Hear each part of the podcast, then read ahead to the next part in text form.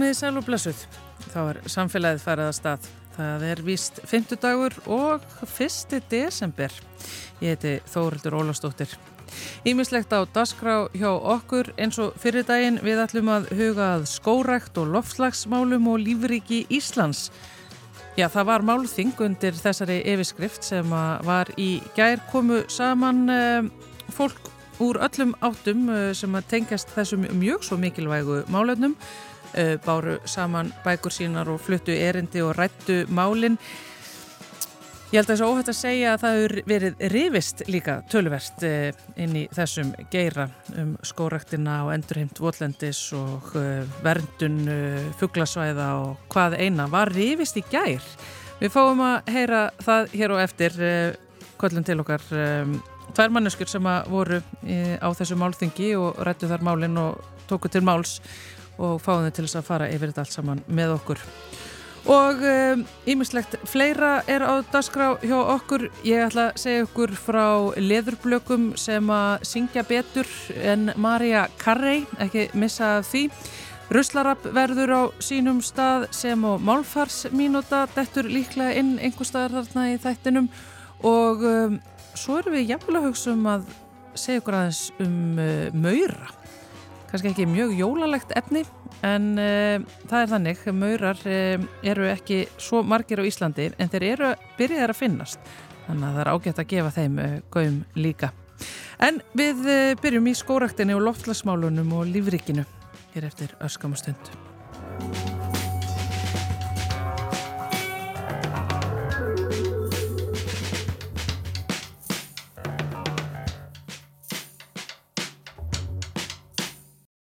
Í gær helt þið Íslenska náttúrufræði félag í samstarfi við félag Íslenskra náttúrufræðinga málþingi ösku um skórækt, lofslagsmál og lífriki Íslands. Eh, við ætlum að fara yfir það sem að tekva fyrir á þessu málþingi hér með eh, tveimur manneskum sem að voru á þinginu, tóku þátt í umræðum og voru með eh, framsögu. Það er annars vegar Tómas Gretar Gunnarsson sem er vistfræðingur og fórstöðumadur rannsóknarsettus Háskóla Íslands á Suðurlandi og hins vegar Sunna Áskelsdóttir sem er verkefnastjóri hjá Landgræðslunni og þau eru hérna bæði með okkur. Sælveriði. Sæl. Sæl. Eh, sko byrjum kannski á því að þið greinir fyrir okkur hlustendur af hvaða tilefni það er slegið upp þessu málþingi. Já, ef ég byrja þá, þá hérna, þá kannski snýst þetta svolítið um ráðstofun landsins. Vi, við höfum takmarkað flatarmál hérna á Íslandi til þess að uppfylla einsar röfur og, og vendingar. Við þurfum að framlega matvæli, við ætlum að planta skói, vernda náttúruna og ekstra ætlum að búa líka og skórætt tekur heilmikið pláss eins og sem er aðra gerði landnótkunar og, og máltingi var svona, svona enn til þess til þess að reyna ræða um það hvernig við getum samrænt skórætt og, og þann losslans ábata sem við getum haft af henni og, og náttúruvend á Íslandi. Hmm. Sérist um það í stórum dráttum.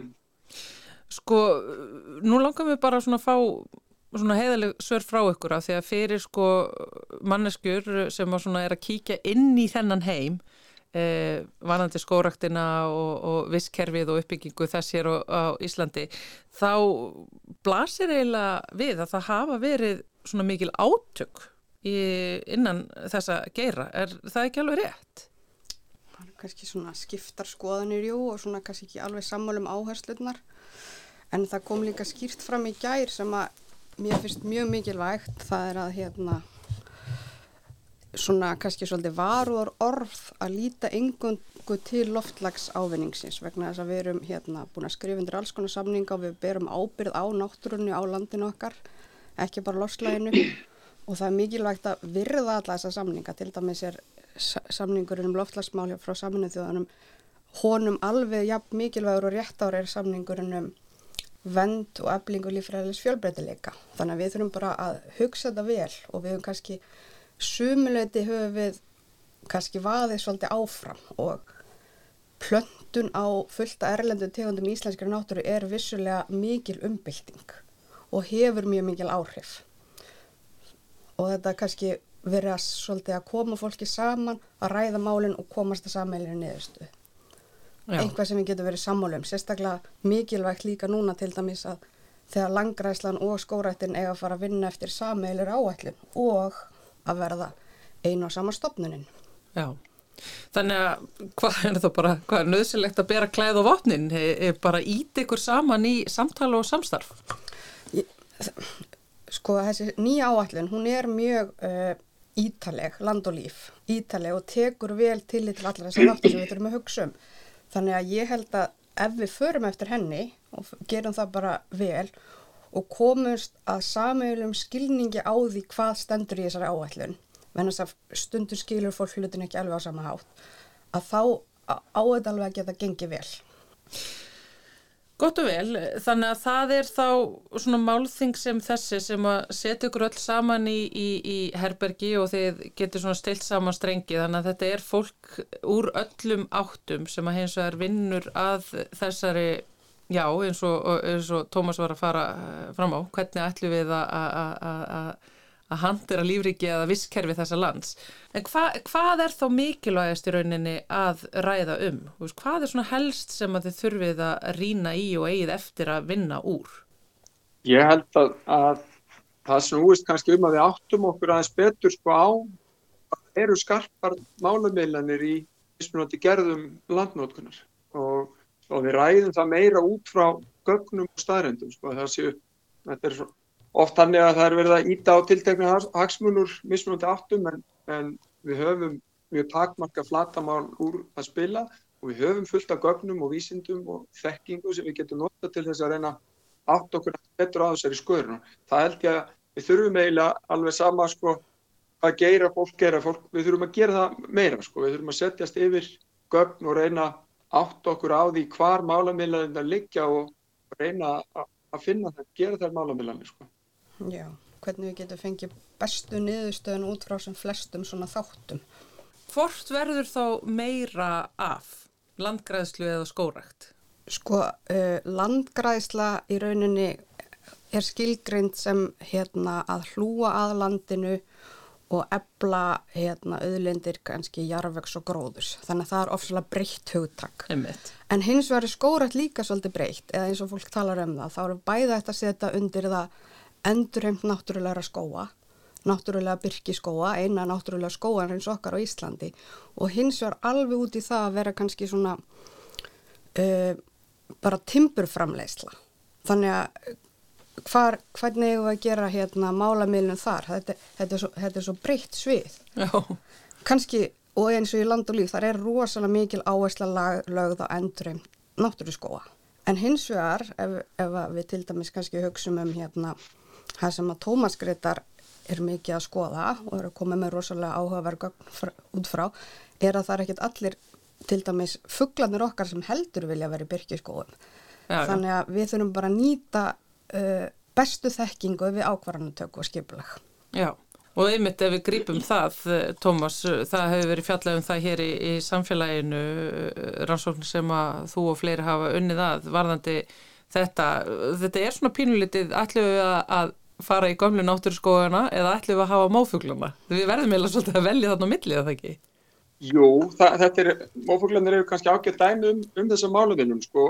Þeir sína líka við, sko, við verðum að taka tillit til fleiri gerða landnýtingar. Mófuglar eru fuglar opins lands og við erum með mjög stóra stofna, heims, stóra hluta heimstofnun okkur tegandi hérna. Við hefum gert samninga við aðra þjóður um að við ætlum að vernda það því þetta er allt farfuglar eða svona flestir og þessir fuglar þeir reyða sér opið land og opið land á Íslandi verður bæði þegar er eitthvað svona náttúrulega röskun eins og flóði ám eða í tengslu við jarðræringar og, og jökla mm. en líka með beit og söðfjárbeit er öruglega líkil þáttur í því að við höfum haft sko sterka mófuglastofna á Íslandi. Og það sko landbúnaður og beit og slíki þættir eru líka þættir sem við verðum að huga að í þessu og reyna reyna að samræma. Og beit til dæmis getur, ég auðvitað að tala um sko hóflega beit á, á, á landi sem að þólir beit vel, getur styrkt mófuglastofna, þannig að, þannig að ef við, við hugsaum svona heildar samviki sko, bernd mófuglastofna hérna, hefbundi landbúnaður viðhald búsetu landslag sem er náttúrulega ríkjandi á Íslandi og skóreg, að þá eru svona bakkir þættirunni sem við þurfum að taka til í til og sumt fer vel saman sko eins og hóflega söðfjörbeit og verðum ófugla. Já. En en eins og þau voru að benda á sko að ef að við endurhundum alla þykju byrkiskóana sem var hérna kannski við landnaf og það er svona aðeins mismunandi mat á því hvað það var mikið, að þá mun það alveg hafa hliðstað áhrif sko á mófuglastofna og að búa til hérna nýtjaskóa með, með innflöndum tegundum. Þannig að við erum vantarlega að leita að einhverju málamilum. Hvernig getum við, getum við staðið við, við lög og samninga sem að vilja vernda mófugla, hvernig getum við styrt landnótkun, sko, svona hefðbundar landnótkun eins og, eins og til dæmis sögfjörðbeitt og hvað getum við plantað skóla til þess verður við að huga skipulagi á kannski stærri mælikvörðum heldur við að vera að gera og þá er einmitt mjög mikilvægt að við vinnum vel svona tækjum þetta konu vel fram sko.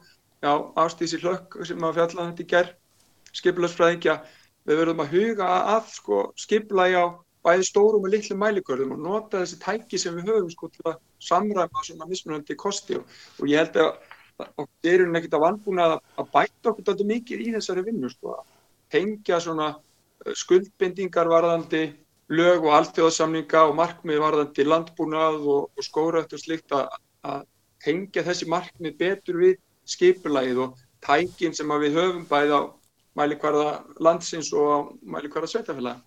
Já, þetta eru náttúrulega svona mörg atriði sem þurfa, þarf að huga að. Það er lífriki, það eru fugglarnir, það er beitinn eh, hérna, og, og, og uppbyggingin og landfókið og allt þetta. En síðan náttúrulega koma loftlægsáhrifin líka, já svona, það er svona mikið hlæðsla og þyngd í þeirri umræðu allega. Þegar það er líka náttúrulega lagt að ykkur sem að vinnið í þessu málum að byggja upp og rækta landið upp þannig að það komið til móts við þær breytingar og þar er náttúrulega skórakt stórt mál. Já, skórakt í, í stóra samhenginu og kannski líka sérstaklega bara endurheimt vistkerfa og það er alltaf að vera svona þingri og þingri áhersla svona í alþjóðasamfélaginu að við gerum, við hérna, við förum að þessi ekki fara út í aðgerðir sem eru kannski með hérna jákvæð loftlasáhrif ef þau hafa alvarlega áhrif að aðra þætti eins og lífræðilega fjölbreytileika, uh, velsælt fólks og aðra slíka þætti. Þannig að það, það, það er rauninu bara kannski ekkert í bóði lengur. Við þurfum að fara í einhverja lausni sem er einhvers konar svona vinn-vinn sem eru góðar fyrir, fyrir lofslagsmálinn en líka góða fyrir fleiri hluti. En hvað er þetta þá, hvað er gullni miðin í, í átta að, að já, til þess að koma til móts við þessar kröfur sem eru gerðar á okkur loftlagsmálum og landnýtingu á Íslandi? Endurheimt vistgerfa. Það er bara þannig? Já, eins og það lítur út fyrir hjá mér og einhvers konar málamiðli líka vegna þess að þó svo við myndum hérna, vilja endurheimt alla byrkiskóna eins og hérna, Tómas Greta segir við þurfum að huga alls konar fleiri þáttum og við erum ekki að nema landi við bú, það er fullt af fólk sem býr hérna og við erum að búa til matvælu og annars líkt en það eru líka hérna fleiri visskjörfum, við erum fullt af visskjörfum sem eru að losa rosalega mikið af kólöfni. Það er kannski gott að setja tappan fyrst í og þá eru við náttúrulega að tala um votlenda sjálfsögðu en þetta eru líka þessi hérna rófsvæði, rýramólendið og allt kannski hérna landgerðir sem að ef við hjálpum aðeins þá snúast þær úr því að vera sagt, losarar eða sors yfir kannski að vera bindarar. Mm. Þannig að þá er þetta tvöfaldur ávinningur að stoppa losun og jafnvel koma svo einhverju smá bindingu af stað. Sko að því við erum enþá rosalega först í hugmyndinu um bara græðið blandið skóur út um allt. Er það, e, e, við erum í rauninni bara að fara frá þeirri pælingu sem var haldið að öllum, það var bara mikið, það, það, var, já, það voru bara auglýsingaherrferðir um þetta. Já, og lúpinu frækjum eins og bílastæði. Já, já, einmitt alveg rétt. Bensin, söfla hak og rækta nýja skó. Við náttúrulega bara veitum meira og við eigum að nota nýjustu og bestu þekkinguna í ákvarðanatöku. Tómas, vil þú koma inn í þessa gamlu, gamlu tíma þarna? Jú, jú, ég veit það. Ég er nú alveg upp í skórat sko.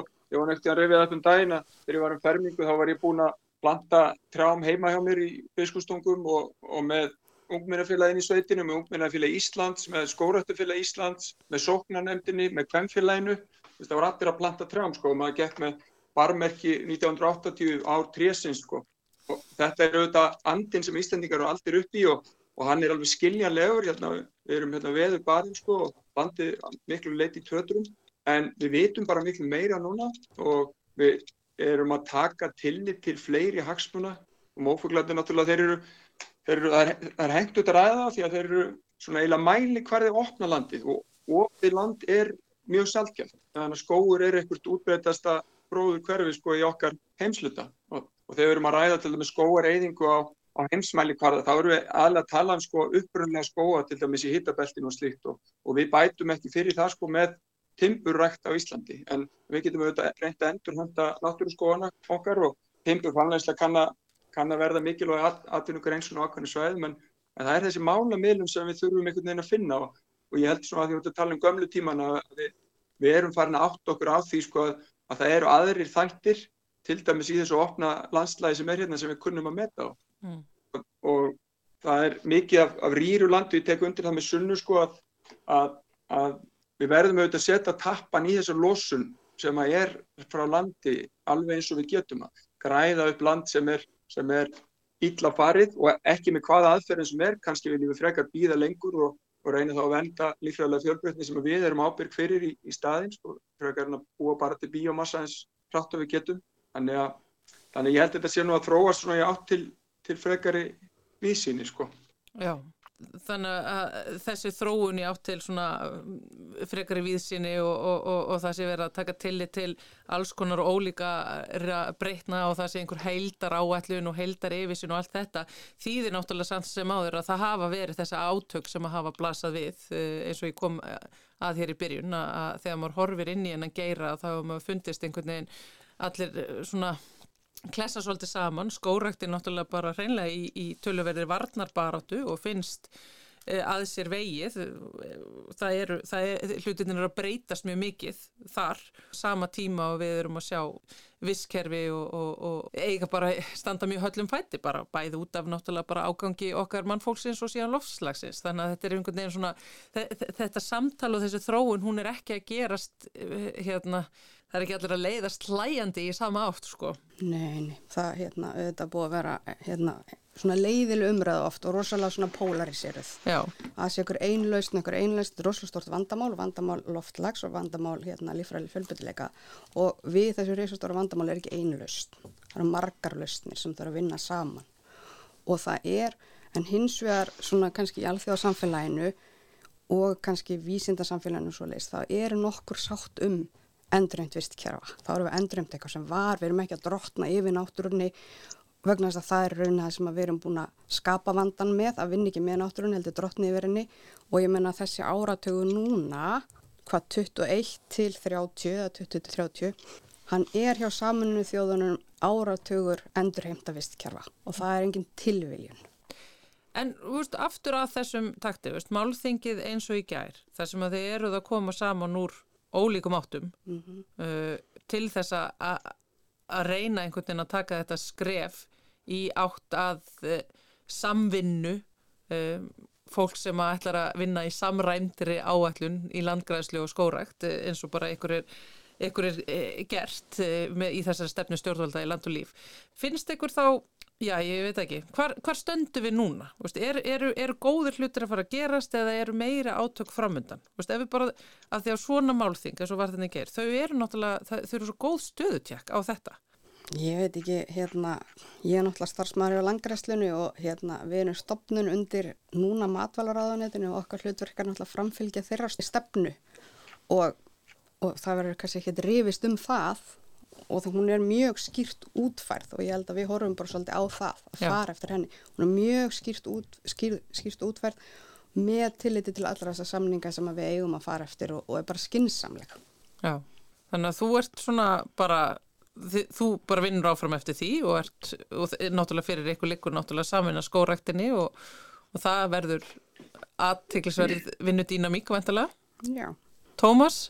Já, ég tek undir þetta. Stjórnvöld er náttúrulega að stíða inn með mjög skýrum hætti núna og leggja fram þessa nýju áallin líf og land sem er málamilinu til það og ég held að það sé bara mjög, mjög þörf varða á þessum vegi og ég gerir það fyrir allir reyna að vinna eftir því og það er fjármagnin í geiran bæði til að, bæði til að rækta nýja nittjaskóa og til að græða upp land og, og ég bara og margir fleiri binda miklar vonir við að þetta verði svona farsalt skref í átt, átt til málum millan en auðvitað það verður aldrei allir ánaði, fólk hefur mismunandi skoðanir og, en, en ég held að við hljóttum að þurfa að fara einhverja svona blandaða leið og þessi nýja tilla hún er, hún er skrefið þátt. Já, það var allavega allingsvert að tala við ykkur, eh, eh, skignast inn í þessar pælingar og það sem að framöndan er. Þetta er mjög metnaðafull eh, áætlun og, og það verður svona aðtilsvert að fylgjast með þessari samstillingu gerast. Tómas Greitar Gunnarsson, vistfræðingur og forstöðum að rannsóknarsettus Háskóli Íslands á Suðurlandi og Sunna Áskilstóttir, verkefnastjóri Landgræslunar. Takk hjálpa fyrir að koma hingað í samfélagið. Takk fyrir.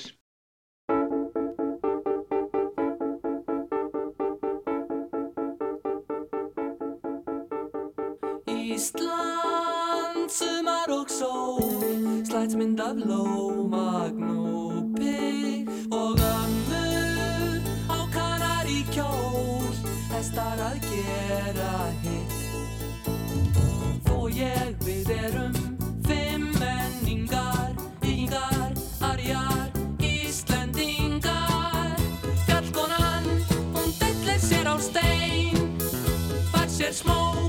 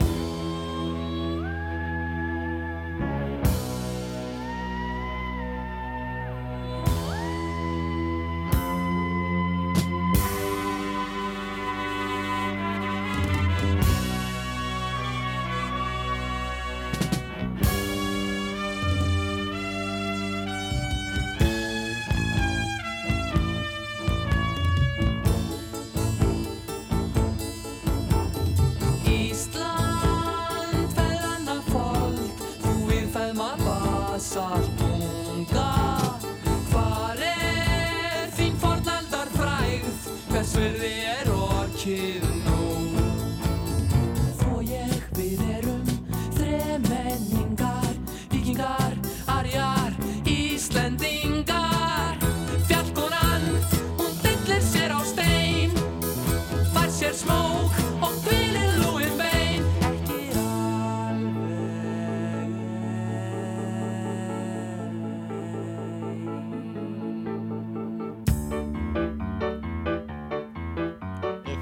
koma frá Kentucky, Kaliforníu og Maine. Það má líta dreng frá Delaware í Andrews því að þeir Já,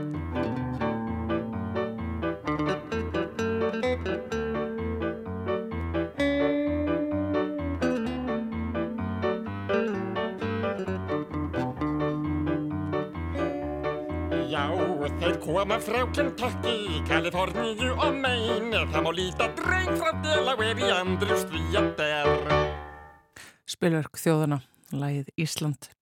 Og uh, við ætlum næst að uh, já, færa okkur til hlýr, já, ég veit eiginlega ekki hvort það er sér rétt að segja að það hafi eitthvað verið mikið hlýra í sumar heldur en er akkurat núna um land allt. Það er eiginlega bara hlýndi í gangi.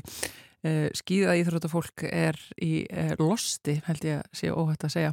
Við ætlum sem sagt að endurflytja efni frá því um, í júli á þessu ári úr þættinum Sumarmál sem fjallaði um Maura. Guðmundur Pálsson tekur nú við. Þá ætlum við að tala um maura. Þeir eru svo sem ekki áberandi hér á landi en, en finnast vissulega. Það eru nokkra tegundir sem hafa fundist hér og sumar kannski algengar en að- aðrar. Eh, Við ætlum aðalega forutnast núna um nýja tegund sem að hefur fundist hér í höfuborginni. Það eru eldmaurar, evróskir eldmaurar og hann er sestur hjá mér Arnar Pálsson, erðafræðingur sem hefur rannsaka þessa framöndu tegund og fleiri maura uh, og er í, í uh, hópi vísindamanna sem kallar sig mauragengið, ekki satt? Jú. Uh, Vertu velkom til okkar. Takk fyrir. Þið voru að skrifa grein í náttúrufræðingin, ritrýndagrein um eldmaura í hlýðakverfinu hér í Reykjavík, eða ekki? Jú, jú. Já, þetta, eins og allir góður hluti, þá hófst þetta með ítölskum bókmyndafræðingi. Marco Mancini, hann búsettur hérlendis og hann hérna, kom til okkar fyrir nokkrum árum og, og, og, og lagði fram hugmynda meistarverkefni að kanna hérna, dreifingu og hérna, landnám maura á Íslandi og hérna, það er þannig að ég og Marjana Tamayo við Háskóla Íslands ákvaðum að, að leiðbeinunum og fengum aðgang að gögnum hjá Náttúrufræðistofnun. Og síðan kom Marko sér í samband við meindýraeiði Íslands um, Steinar Smára Guðbergsson. Og hann hefur búin að vera að fara með honum í útköll. Og, hérna, og, og þá er bara hugmyndin að reyna að finna hvar eru maurar hérna, á landinu, hvaða tegundir hvers, hvers eðlis eru búin og, og fleiri þeimdur. Ef við tölum bara fyrst bara daldið vítt um maura Mhm. á Íslandi, er þetta margar tegundir og eru þeir víða? Já, það er, þeir eru aðalega bara 99% tilfella eru í húsum eða gróðurskálum eða gróðurhúsum eða einhverju slíku og hérna það eru kannski fimm tegundir sem, að, sem eru algengastar, hérna húsamaur, uh, draugamaur, uh, faraómaur, blökkumaur og einhver einn annar sem er stólur haustum að mér.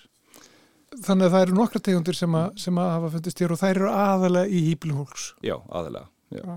Það eru, eru blökkumaurarnir hafa fundist utan dýra, síðan hefur við fundið maura á nokkrum hverasvæðum sem ég fæ kannski að segja frá síðar og, og síðan er að þetta, þessir evrósku eldmaurar sem að fundust í, í garði í hérna, postnúmeri 105. Mm Eru maurar almennt til ama? Við þekkjum það náttúrulega erlendis að þá getur maður lendið því að maður skilur eitthvað eftir kannski eða eitthvað dettur í gólfið eða þú skilur eitthvað eftir á borði, sérstaklega hérna sunnalega kannski í Európu. Fólk sem er dvalið þar það veit að þá bara koma maurarnir. Mm. En, en verður fólk mjög vart við maura hér og eru þeir fólki til ama? Já, náttúrulega, eh, fyrsta lagi, maurar eru ekkit endilega fólki til ama, þeir, þeir eru að, að taka til í visskerfum og þeir, jú, sumir eru að borða skordýr en minna, þeir eru, sumir eru að borða bladlís og þá náttúrulega er þeirra hérna, minka afrán á plöntum, þannig að þeir eru bara svona eðlilegu hluti af mörgum visskerfum en síðan eru nokkra tegundir maura, fimm tegundir maura eru meðal þeirra hundrað alvarlegustu svona ágengu tegunda dýra. Og, og þá hafa þær borist frá Evrópu eða, eða hittabeltunni á önnu landsvæði. Og meðal þeirra eru þessi evrósku hérna, eldmurar, eða myrminga rúpra upp á latínuna Já, og þeir hafa borist til enna Norður-Ameríku og annara svæða og, og orðið ágengir og, og til ama þar í, í vistkerfum og, hérna, og, og einnig svona þvælst fyrir fólki af því að þessir eldmörar eru hérna, þeir býta í fólk og við fáum sviða og ímislegt svoleiðis. og hvað, hvaða, til hvað ráða þarf að grípa þegar að svona framöndu tegund finnst sem er uh, svona sem bara býtur fólk til dæmis og, og er kannski framöndu hérna í lífrikinu og við vitum kannski ekki alveg hvaða áhrif hefur eða hvað. Já, það er svona náttúrulega garður í hérna, postnumur 105 er ekki náttúra Íslands en það er svona eh, það er náttúrulega ólíklegt að, að, maurarnir breyðast út í viltu íslensku náttúru en hérna uh, sérstaklega þessi tegund er náttúrulega til vandraði ef hún fer að hérna, herja á fólk eða, eða, eða á dýr og hérna, verða því til ama og það er náttúrulega bara mjög eðlilegt að eyða þeim búum þannig að meindir eyðar þeir, þeir sinna þeirri þjónustu að hérna, losa okkur við meindýr og, og, og maurabú eins og þessi eru sérstaklega þennan sérstök vandræði. En það eru aðra tegundir eins og húsamaurarnir, þeir eru miklu minni, þeir þrýfast í húsagrunum, þeir bera kvorki sjúkdóma nýja naga okkur eða neitt slíkt. Um, það er eiginlega óþarfi að standi í það að eyða þeim, eða það er eiginlega reyndar ómögulegt að eyða þeim, af því að að það, búin eru þess eðlis og það eru marga drottningar og alls konar ástand þannig að það er ekki hægt að eitra fyrir þeim og, og, og, og, útrýma búanum. En hérna eldmörarnir, það eru uh, yfirleitt þannig að það eru stór bú, fáar drottningar, það er hægt að, að eitra fyrir þeim og eða hreinlega grafa þau bara upp og fjarlæga þau. Og það, það er það sem við myndum mæla með ef að fleiri tilfelli koma upp að það er þá kallað til innan sérfræðingar til okkar eða við getum beint á, á hérna, meindireiða sem að geta sýnt þessu. Já. Er þetta tilfelli sem að, að þið leggja út af í eitthvað grein mm. uh, eldmörar í 105 mm. er það einangra tilfelli eða er, er vitað um eldmöra annar staðar og, og er, er, er líklegt að það séu bú í fleiri görðum? Þarna? Já, það er svona Uh, þetta var einangra tilfelli og hérna, Marko og Andreas sem að vann með honum á samt steinari þeir fóru og grófi búið eitruðu og, og komu síðan aftur hérna, yfir allt sumarið þetta fannst í apríli fyrra og, hérna, og eiginlega náðu álíkta að þeir tekist að eida búinu og það væri dögt og það ekki, get ekki hérna en að lifa það áfram. En það er möguleiki að við drottningar flóið út og, og lenda eitthvað störri nágruninu og, hérna, og stopna nýbú.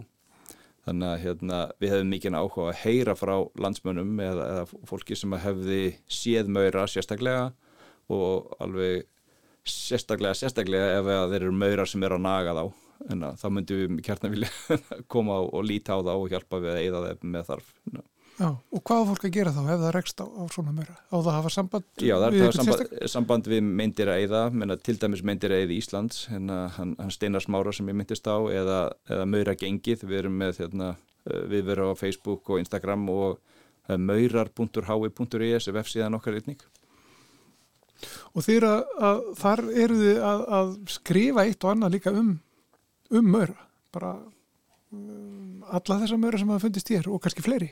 Já, já, það er svona, já, en Markór svona byrjaði eiginlega þá svona að draga þeim saman þekkingu um þessa maurar sem eru landlægir og síðan er hann bara að vinna sína meistarrikir og, og klárar hann að fljótlega um sem sagt bara dreifinguna og, og eiginleika tegundana og hann og Andreas hafa verið að skrifa svona litla nótur bara um ákveðin tilfelli eða eitthvað sérkenni tegunda eða, eða maura almennt. Það er náttúrulega félagsskortir eru mjög merkileg fyrir bæri. Allir vinna saman eða hérna, til þess að þjóna búinu, sinna drottningunni. Í þessu tilfelli þá voru um 5.000 maurar í þessum gardi og tvær drottningar og allir er að vinna saman að, hérna, að halda búinu gangandi og hérna, tryggja viðgang þess. Já, þetta eru það eru til mjög margar tegundir maura. Það, það eru bara ótilendið nánast er, það, er, það eru þúsundir, já, já. Hérna, og það eru mjög fjölbreytilegar. En alltaf algengastar í hittabeltinu eða temperatbeltinu og hérna, það er svona frekar sjálfgeft að það byrjist til eiga nema með hjálp mannsins. Og hérna, en, en það, er, það er, er mjög fjölbreyttar og hérna og geta uh, verið afætur eða alið bladlís eða borðað löfblöð eða ímislott þeir sérhafis í hinn og þessu. Og hérna er bara hluti af fjölbreytilega lífríkisins Af hverju er svona fátegundir af mörum á Íslandi? Af hverju hefur við sér svona lítið? Er það bara lofslæðið? Já, það er loftslag og lega, menna hérna, náttúrufræðingarnir, Gíslimár Gíslason og fleiri, þeir hafa bara kortlagt sko, tegundafjölbyrdileika á Íslandi, Grænlandi, Færiðjum, Orkneiðjum, Breitlandsegjum og það er svona greinileg svona eiga áhrif, þannig að alltaf færri og færri tegundir því fjær meginlandinu og því norðar sem þú ert, bara út frá já, lofslagi, legu, þetta er svona eitthvað svona tenningakast í þessu. Mm -hmm. hversu marga flugur komast yfir ermarsundið, hversu marga flugur komast til Sjallandsega, hversu marga flugur komast til hérna, Færiða þannig að hérna, við erum bara út í nára. Þannig að hérna, það er ekki mjög margt sem er borist hingað nema þegar fólki fór að ferðast. Svona, skipa sigla og slíkt. Já, en, en þegar eldmörar dúka upp hér mm. Fyrsta skiptir svo vita sér eða hvað? sem, er, sem að bú finnst að mesta kosti. Já, það er svona Eh, Það voru, við fengum aðganga að gögnum náttúrufræðstofnunar Íslands, Erling Ólásson og Mattias Alfredsson hafa sapnað gögnum þar í, í, í tíu ára. Og hérna það eru tvær, tvö, tvö tilfelli myrmika sem er þá sama eitt kvísl sem eru þekkt. En það var ekki greint til tegundar, það er líklegast að þess að sé þessi er evróski eldmur af því að hann, hann er sá sem hefur dreifst sér mest en hérna uh, ég held að góðu fréttnar í þessu það er að það er það bara þrjú möguleg tilfelli yfir innan 30 ára tímabil þannig að þetta er ekki eins og sé holskefla að lenda á okkur. Nei, en hérna slæmi fréttnar það að búið var stórt og það er mögulegt að það dreift sér.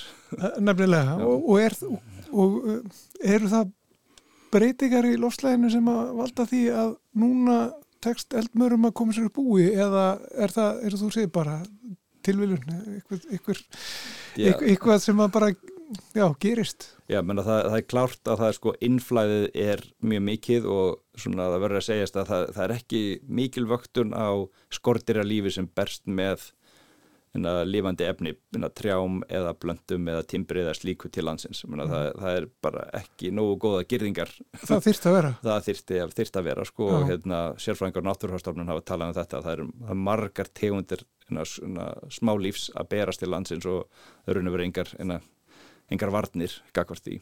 Mm. og, en síðan er náttúrulega þannig að jú, lofslæði hefur verið að breytast aðstöðunar gætu inna, uh, lagast þannig að eitthvað sem að þrýfst í görðum gæti kannski fara að þrýfast í öskuhlíðinni eða þrýfst í öskuhlíðinni þá kannski uppsveitum árnessíslu eða eitthvað en að, Já, og svo er náttúrulega, já, svo bara gróður eh, það er svo miklu meiri gróður náttúrulega en var Já, kannski til dæmis náttúrulega í höfuborgin þetta eru miklu meiri stærri tré og meira skjól og, og svo frá þess já, já, menna þannig að það er alveg maður getur séð fyrir sér sé einhverju möguleikar að opnast. Kannski færri möguleikar fyrir maura en aðrar tegundir skortýra mm. og það er bara, aftur náttúrufræðstofnun Ísland sem er listað við marga tegundir sem er að dúkka upp og hérna, flestar á höfuborgarsvæðinu en síðan bara verðast að dreifa sér. Já.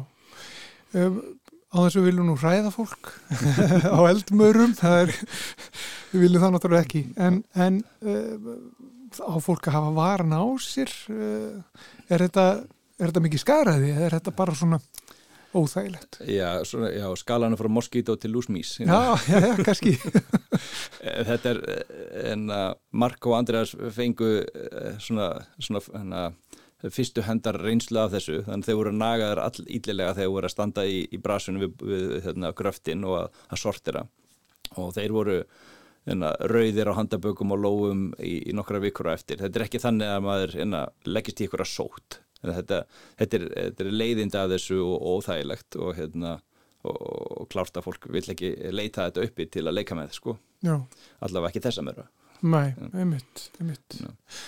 Um, og eldmörar ég meina bara heiti tegundarinnar gefur ímislegt til kynna. Já, sko, upp á- engi slagsinn sko er þetta European Fire Ant en það er sem sagt minna þekkt nafn, hitt er Common Red Ant. Það, í Evrópu er, er það svona algenga heiti, þannig að þetta er svona svona algengur rauðurmör Já. og, og en róðamörur upptekið. Já, það, að það, það er annað. það er eitthvað annað, já en, en já, bara í Evrópu þá veit fólk að þá ekkert að leggjast í skóarbotnin og eða, eða, eða tróðast í ykkur háu grasi út í, út í náttúruna því að það er bara mögulegt að hérna, þá leiti ykkur óværa á þau hérna. og ég held að það sé engin ástæða fyrir Íslendinga að óttast þetta í, í gorðum sínum eða slíkt eh, nema það hreinlega bara leggja sig ofan á búinu hérna, þessu eina, hinnu, hinnu búinu eða þriðja búinu hversan það er mm Já. en við bendum fólki bara á sérstaklega kannski þessu hverfi að vera kannski vakandi fyrir þessu, ef það sér eitthvað sem maður kannast ekki við að láta bara vita, Já, hafa samband all- allt til að hafa samband og meina, ef það er ekki maur þá er það bara eitthvað annað skemmtilegt líka og Já. bara gaman að vita því Já. Og svo bendum við fólki á maurar.hi.is Maurar á Íslandi. Um, Það er umfjöllunum maur á aðra hrygglösa landnema, og, eins og segir hér. En Arnar Pálsson, uh, gaman að fá því heimsókn um, og takk fyrir þetta. Fróðlega spjall um eldmöra. Takk hjá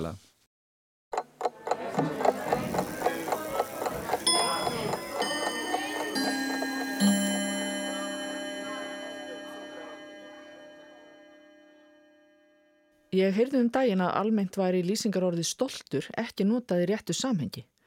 Fólk notaði orðið stoltur í merkingunum að vera upp með sér og segist til dæmis mjög oft vera stolt af börnunum sínum eða barnabörnunum. Þetta væri mistúlkun. Stoltur væri sá sem er þóttafullur, jafnvel hrókafullur. Vera kann að þetta sé skilningur einhverja á stoltur og það er í samræmi við merkinguna sem gefin er í íslenskri orðabók. Sé svo er ljóst að þetta er dæmi um orð sem hefur fengið hliðarmerkingu sem smám saman hefur orðið algengari og jafnvel velt þeirri gamlu úr sessi. Í íslenskri nútífumálsorðabók er eina merkingin með orðinu stoltur nefnilega að vera ánæður og upp með sér.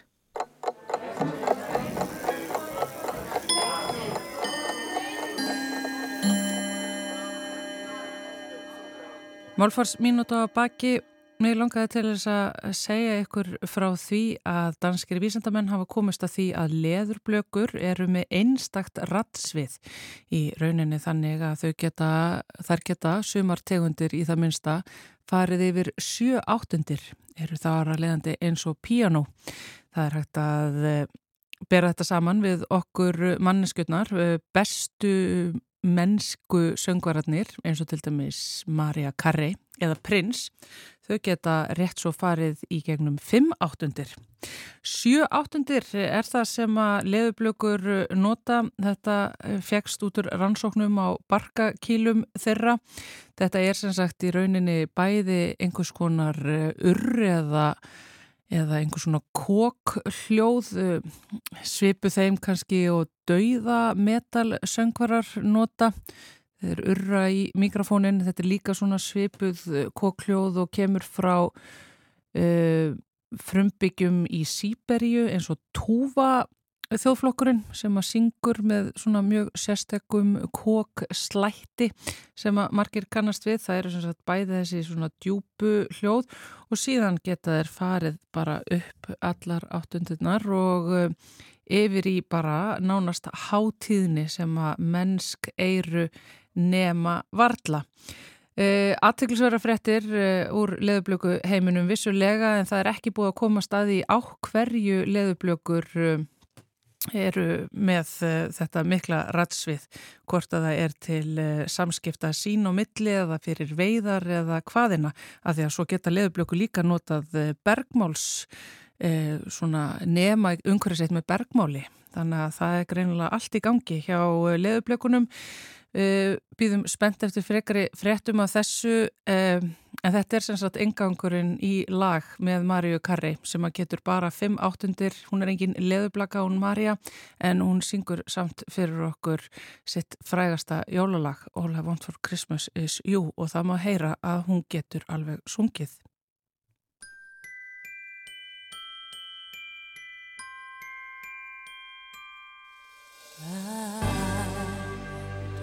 want a lot for Christmas.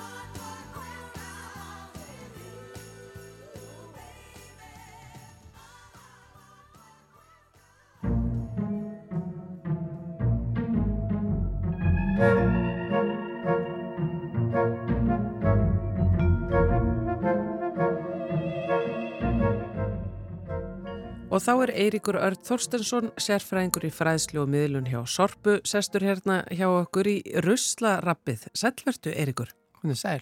Hvað ætlar að eh, fara yfir með okkur í dag? Herri, ég ætla að tala um kertavags um, og hvað á að gera við kertavags eða svona hvað er best að gera við kertavags. Uh, það hafa nokkrir hérna uh, komin til mín og sagt að það er náttúrulega hægt að nota það sem notaði í kerti, setja þau ofan í bara og, og þannig að þau nýtast þar. En svo eru líka flestir söpnunarstaðir á landinu með gáma, gáma eða ílát fyrir kertavags. Þannig að ég mæli ekki með því að kertavags fari með almennu sorpi og því að það er hægt að endurvinna kertavags og, og búa til ný kerti. Mm. Meðal annars er, er staður á Akureyri, plastiðjan Bjarg sem að endurvinnur uh, kertavags í ný kerti. Þannig að þetta er eitt af þessu svona litlu flokkunadöllum sem að maður hefur ofan á þessum stóru eins og pappir og plasti að það er þá bara kertavagstallurinn. Já, það væri alveg mjög hendugt. Þar setur maður litlu kertaafgangana og brýtur upp úr spritkertunum ef það er eitthvað eftir í þeim og, og onni þetta. Já. Allt í endurnýtingum maður. Það er allt hægt. Það er allt hægt. Já. Svona eh, eiginlega ná- nárast. Og það eru flestar stöðar sem að taka almennt við uh, kertavaksinu. Já. Gott að vita þetta. Þetta er áskorun á ykkur. Kerta áhuga fólkið þarna úti, hvort sem að þið fílið að brenna þau eða búa þau til. Takk fyrir þetta, Eirikur. Takk fyrir mig.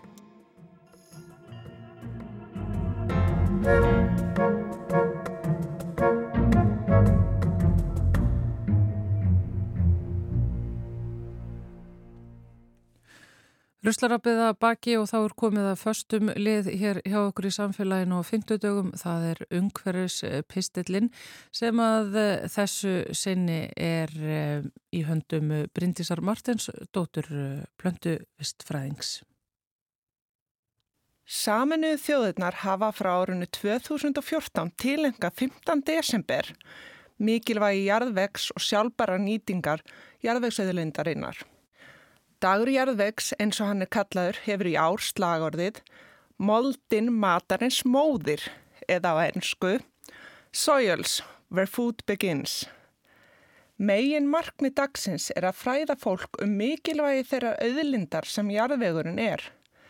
Staðrendin er nefnilega svo að við áttum okkur engan vegin á því hversu mikilvæg auðlind þetta er.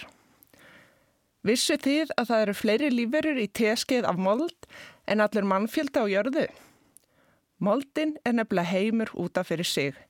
Heimur samsættur að fjölda agnarsmára lífvera, steinefnum og lífrannum efnum. Þessi heimur er undirstaðan fyrir vöxt plantna og þar með fæðu manna og dýra. Samanuð þjóðurnar hafa á undanförnum árum verið að taka saman upplýsingar um ástand í jarðvegs í heiminum.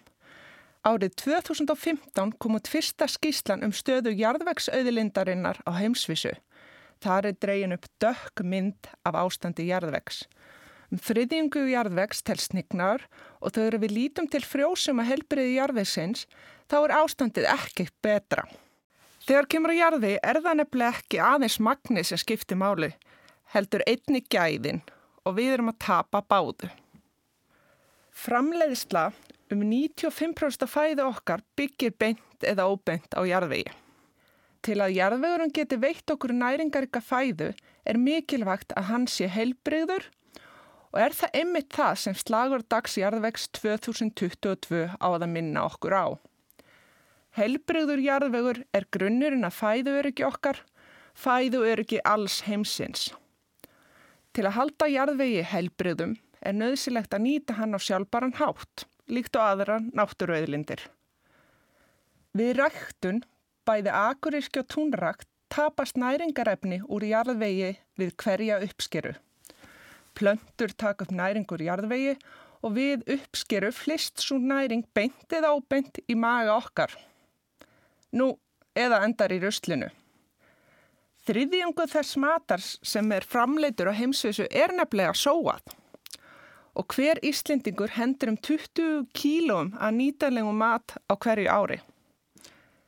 Ef ekkit er aðgert, missir jarðvegurinn smá saman frjósemi sína og næringarinnihald uppskeruna skerðist. Á seinustu 70 árum hefur næringarinnihald matvala minka til muna og ógnar það þannig matvæli og öryggi heimsins. Það er nefnilega ekki nóg að framleiða matvæli. Það þarf að framleiða matvæli með næringu. Sama gerist einni við ofbeitt. Ef næringarefni eru fjarlagð úr vistkerfinu við beitt, hraðar en þau endunjast leiði það til nignunar jarðvegs. Talið er að á heimsvísu hafum helmingur að efsta frjósamasta hluta jarðvegsins tapast á senustu 150 árum. Á Íslandi hefur allt of stór hlut af moldinni fókið burt og oft er nær allur jarðvegurinn farin og eftir standa einmanna rófabörð sem minna okkur á það sem glatast hefur. Við erum enn að tapa jarðvegi. Í róki fíkur óvarinn jarðvegur úr ökurum og rofnu landi á hafa út og í rykningu skólast óvarinn jarðvegur burt út í næstu á ef hann ekki vendaður af gróðri eða gróðuri leifum. Myndun jarðvegs, hvað þá myndum frjósamrar næringaríkra moldar tekur langan tíma og fyrir vikið er sagan oft skrifið í moldina. Oftast þarf ekki að grafa meina 60 til 100 cm djúpa hólu til að koma niður á jarðveg sem myndaðist við landnám Íslands, svo kallað landnámslag, sem endur spekla hversu hægt jarðvegurinn myndast. Jarðvegur myndast það hægt að við verðum að líta á hann sem óendur nýjanlega öðlind. Við þurfum því að passa jarðvegin og halda fast í hann. Í dag erum við að tapa jarðvegi hraðar en hann myndast og ef að mannkynnið ætlar ekki að tapa öllum sínum jarðvegi með tilheyrandi afleðingum fyrir sig sjálft er nöðsynlegt að við förum að nýta jarðveg á sjálfbaran hátt. Við gerum það meðal annars með því að minka það tap sem verður á jarðvegi vegna nýtingar og einni með því að tryggja að lífrafnum næringarefnum sé skilað aftur tilbaka í jarðvegin. Þetta á ekki aðeins við um hinn stóra heim, þetta á einni við hérlendis. Það var einmitt ánægilegt að á nýliðnu matvælæþingi, þar sem hagsmjöla aðlar rættu og ríndu nýjútkominn drög að matvælæstefnu til framtíðar fyrir Ísland, var fundargestum tíðrætt um mikilvægi sjálfbærar matvælaframleiðslu og þar með mikilvægi þess að venda jarðvegin og nýta hann á sjálfbæran hátt. Við skilum vona að það skili sér áfram, en séu ekki aðeins orðin tóm. Því eins og slagur ásinn segir er moldin matarnins móðir. Ef við töpum moldinni þá töpum við líka matnum. Það er samt ímislegt sem við öll getum gert til að venda og ebla moldina. Við getum valið að kaupa vörur, ef hægt er, frá framleiðendur sem stundar sjálfbæra framleiðslu til að íta öðrum framleiðendum í átt á sjálfbærni. Við getum minkað matarsóun og nýtt hannig betur þá næringu sem við fáum á moldinni. Við getum sapnað lífrænum úrgangi og nýtt hann til jarðvegsgerðar Það er einmitt gleði efni að nú eigi loksins að fara að flokka lífrannan úrgang á höfuborgarsvæðinu. Þó okkur getur kannski fundist að pínu ógislegt, þá er það nöðsynlegt.